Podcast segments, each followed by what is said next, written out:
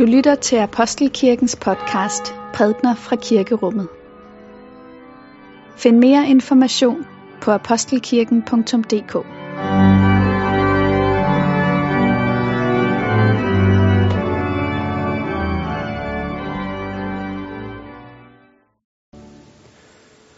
Du gavmilde Gud, vi takker dig, fordi du har elsket os, før vi selv kunne sanse og leve kærligheden.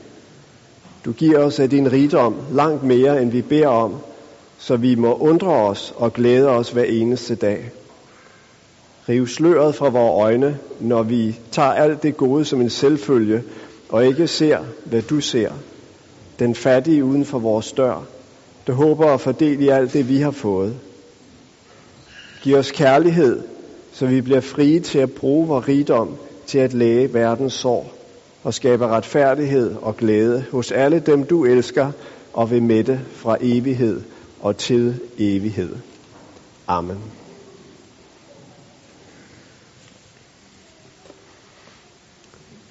Således står der skrevet i Paulus' første brev til Timotius. Og hvis er det, at Guds frygt sammen med nøjsomhed bærer lønnen i sig selv. For tomhændet kom vi til verden, og tomhændede skal vi gå ud af den. Har vi føde og klæder, så skal vi lade os, lade os nøje med det. Men de, der vil være rige, falder i fristelse og baghold og henfalder til utallige, tåbelige og skadelige tilbøjeligheder, som styrter mennesker i undergang og fortabelse. For kærlighed til penge er roden til alt ondt. Drevet af den er nogen blevet ført bort fra troen og har voldt sig selv mange smerter. Men du, Guds menneske, skal holde dig fra alt dette og stræbe efter retfærdighed, gudsfrygt, tro, kærlighed, udholdenhed og sagtmodighed. Strid troens gode strid. Grib det evige liv, som du blev kaldet til og har bekendt dig til med den gode bekendelse i mange vidners påhør. Amen. Og dagens evangelietekst er fra Lukas evangeliet kapitel 12. Lad os takke for Guds ord. For Guds ord i skriften, for Guds ord i blandt os, for Guds ord inden i os, takker vi dig, Gud. En i skaren sagde til Jesus, Mester, sig til min bror, at han skal skifte arven med mig. Men han svarede, Menneske, hvem har sat mig til at dømme eller skifte imellem jer? Og han sagde til dem, Se jer for at være på vagt over for al griskhed. For et menneskes liv afhænger ikke af, hvad det ejer, selvom det har overflod. Og han fortalte dem en lignelse.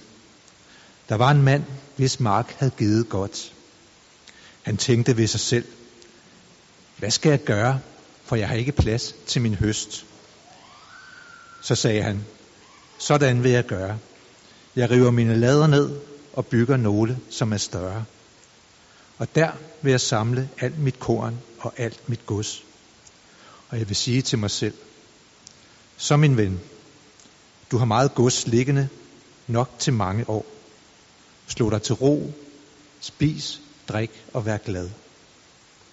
Men Gud sagde til ham, din tåbe, i nat kræves dit liv af dig.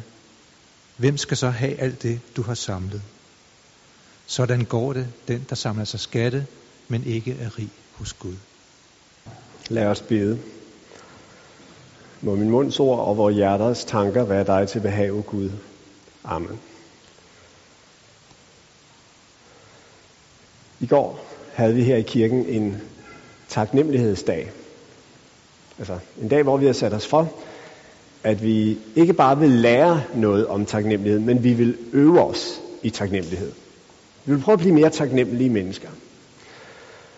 Og en af de øvelser, som nogle af os øh, gennemgik, det var en øvelse, hvor vi skulle sætte os ned, og så skulle vi tænke på, hvilke taknemmelige mennesker vi kender.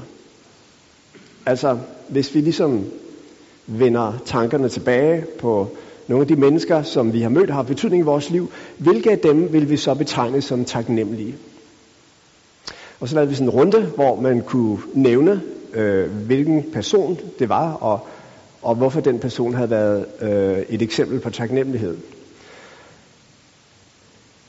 Og noget af det interessante og lidt overraskende var, at de personer, som blev nævnt, det var mennesker, som enten var gamle, eller som havde døjet med sygdom, eller som sad i et asylcenter et sted som afviste asylansøgere, eller på anden måde var i øh, strid modvind i deres liv. Det var dem, som fremstod for øh, os i går som særlige eksempler på taknemmelighed. Og når, når jeg synes, det er tankevækkende, så er det fordi, at jeg tror, at de fleste af os vil sige, hvis vi bliver spurgt, hvad skal der til for, at du bliver et virkelig taknemmeligt menneske? Så vil vi formodentligt sådan intuitivt angive nogle utilfredsstillede behov i vores liv. Altså, hvis jeg fik den kæreste, hvis jeg fik det barn, hvis jeg fik det, den uddannelse, den lejlighed, ikke? Vi har hvert vort, som vi tænker på, det her, det, det er noget, der savnes. Og hvis jeg bare fik det, ja, så vil, så vil jeg godt nok være taknemmelig. Så det er altså to meget forskellige historier om, hvordan man når taknemmelighed. Den ene, så at sige, empiriske, hvor man siger, hvem er, hvem er rent faktisk taknemmelig? Og så den anden, hvor vi tænker, hvordan, hvad der skal til for at gøre os taknemmelige. Og det er jo lidt ligesom øh, Oscar Wilde, den engelsk-irske forfatter, sagde, der findes her i tilværelsen to ulykker. Den ene er, at man ikke får det, man ønsker. Den anden er, at man får det. Hvor tanken jo er, at, at hvis man får det, ja, så vil der meget hurtigt efterfølgende vise sig et andet ønske. Ah, det var ikke præcis det, som kunne tilfredsstille mig. Altså, at en erfaring er, at vi faktisk kan få vores ønsker opfyldt, uden selv at blive opfyldt eller tilfredsstillet på det dybere plan. I de senere årtier har øh, taknemmelighed fået stor opmærksomhed. Der er opstået en, en hel skole af det, man kalder taknemmelighedsforskning. Og øhm, den handler i høj grad om betydningen af at blive opmærksom på de små ting i vores liv. Altså de ting, som vi ikke kæmper hårdt for at nå, og så endelig opnår. Men de ting, som bare er der umærkeligt, så vi knap lægger mærke til dem. Som en af fortalerne for den her tradition siger, du skal lære at blive opmærksom på de små ting i din hverdag, for der kommer en dag, hvor du vil se tilbage og opdage, at det var de store. Her i Danmark, der har vi også øh, en, en særlig udgave af den her forskning, et, øh, et undervisningsprojekt, der tager ud til øh, højskoler, øh, overbygningen af folkeskole, gymnasieklasser osv., og, og, og, og prøver at opfordre folk til at, at øve sig i taknemmelighed. Og en af de øh, øvelser, som de giver, det er, at de siger, prøv at skrive en, en omvendt indkøbsliste. En omvendt, altså en indkøbsliste, det er der, hvor man skriver de ting, man skal huske at købe ind. Man står i far for at glemme, når man står nede i supermarkedet og lige skal have det hele med. En omvendt huskeliste eller indkøbsseddel, det er altså der, hvor man husker sig selv på de ting, som man har fået givet, men hele tiden står i fare for at tage som en selvfølgelighed, som noget, der bare er der, som man ikke virer nogen opmærksomhed. De ting, som ligesom bliver usynlige, men som ikke desto mindre er med til at gøre, at vi kan leve vores liv. Sådan en øh, omvendt huskesæde, den er med til at bevidstgøre os om det, vi har fået givet, i stedet for at fokusere på det, vi mangler og, og, og skulle have. Nå, så til dagens tekst. En mand kommer hen til Jesus og siger, Mester, sig til min bror, at han skal skifte arven med mig. Alright, her lukkes vi ind i et rum af søskende konflikt. Hvad der sket? Jo, faren han må altså være død. Og nu var det sådan, at arveloven i Israel, i henhold til Moseloven, var sådan, at når en, en familiefar døde, ja, så var det sønnerne, der skulle arve. Pigerne var ikke med en del af regnestykket. Den første søn, han skulle have den dobbelte del af, hvad de øvrige fik. Til gengæld så er han også ansvar for enken. Så situationen må altså være den, at, at, at en mand er død, og han har efterladt sig mindst to sønner. Den ene søn, han bliver boende på ja, gården, formoder vi, de, de fleste boede jo øh, og levede af landbrug dengang, og, øh, og, og besidder ligesom gården. Og så er der den anden søn, og han bor sandsynligvis ikke hjemme. Han bor et eller andet sted, og han siger, øhm, ifølge loven, så er jeg ret til at få halvdelen af det, som du har. Hvornår får jeg det udbetalt? Så det, det er det, der ligesom er, er konflikten, øh, som ligger til grund for den her henvendelse til Jesus. Og så er tanken jo, at Jesus han er mester, det vil sige, at han har en vis autoritet, han er også skriftlært osv., så, videre, så kan du ikke ligesom gå ind i den her sag og, og sige til min bror, så er det nu. Altså, du, du kan ikke blive ved at, at sidde i uskiftet bo. Nu, nu må der handles på det her. Og vi ved jo, der er intet, der kan få ondt blod op i en søskende flok som arvespørgsmål. Jesus nægter at gå ind i sagen. Hans respons til henvendelsen, det er jo, at han siger, hvem har sat mig til at skulle skifte og dømme imellem jer? Det er værd at mærke sig, hans ord. Han siger ikke, det, det er et uvæsentligt spørgsmål. Glem det. Han siger, hvem har sat mig til at skulle løse det spørgsmål? Hvorfor svarer Jesus sådan? Altså, han kunne også have valgt et andet approach. Han kunne have sagt, okay, det her det er så anledningen til at gå ind og revidere Moselovens arvebestemmelser. Prøv at høre, kære venner.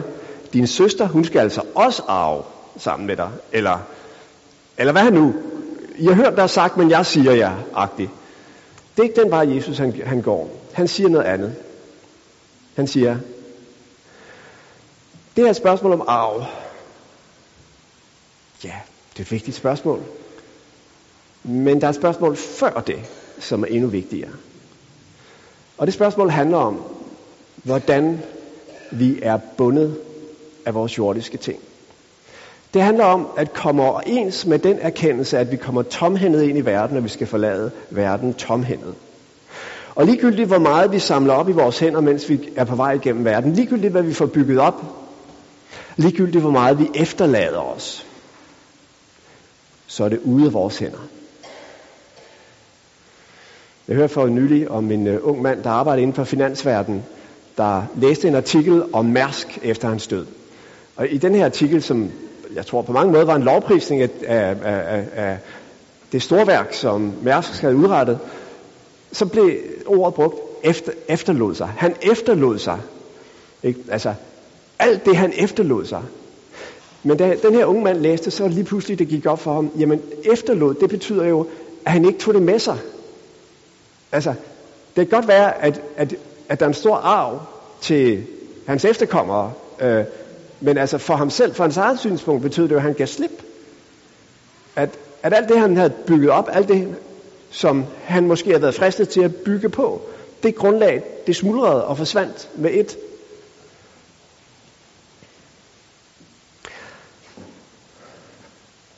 Tomhændet kom vi ind i verden. Tomhændet skal vi forlade den igen. Jesus kom til os for at række os sin hånd. For at sige til os, kære venner, det her liv, det er en sådan karakter, at I ikke kommer til at mestre det selv.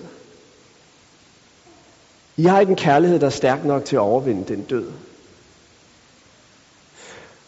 Og hvis I forsøger at samle en masse i jeres hænder, så skal I bare vide, at I kommer til at slippe det igen.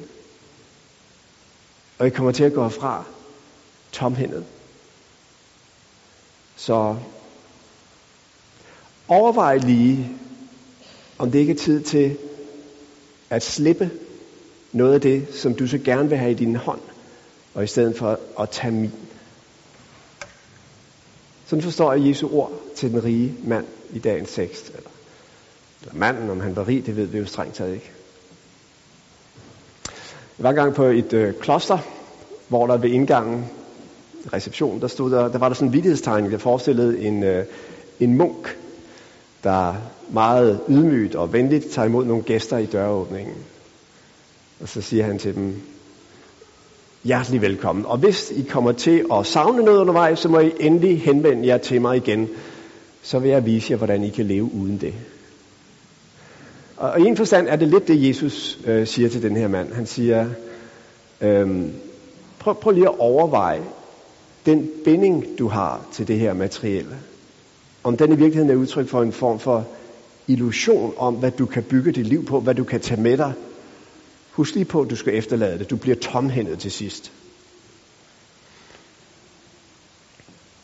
Så rejser der selvfølgelig et andet spørgsmål, og det er, hvad så med manden? Skulle han så bare acceptere, at broren han lød være med at skifte arven? Han aldrig fik del i det, som hans far havde samlet sig. Nej, vel ikke nødvendigvis. Jesu pointe er vel ikke, at, øh, at ingen må gå ind i den her arvesag. Pointen er vel snarere for lige dimensionerne på plads, så du bruger den rigtige energi, når du går ind i den her sag. Så det ikke bliver en kamp om dit livs mening, eller din egen betydningsfuldhed, eller lykke. Fordi alt det her, de store spørgsmål om livets sammenhæng og lykke osv., øh, det forventer du ikke at få gennem de ting, du kan samle op undervejs. Det må have en anden kilde. Men når du er blevet forsonet med det, og når du ikke ligesom øh, investerer dig selv forkert i det her arvespørgsmål, ja, så er det tid til, at du kan tage fat på det igen.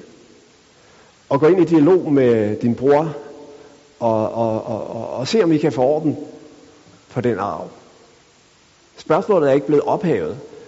Det har bare ligesom fået en anden placering, end det havde øh, fra starten af.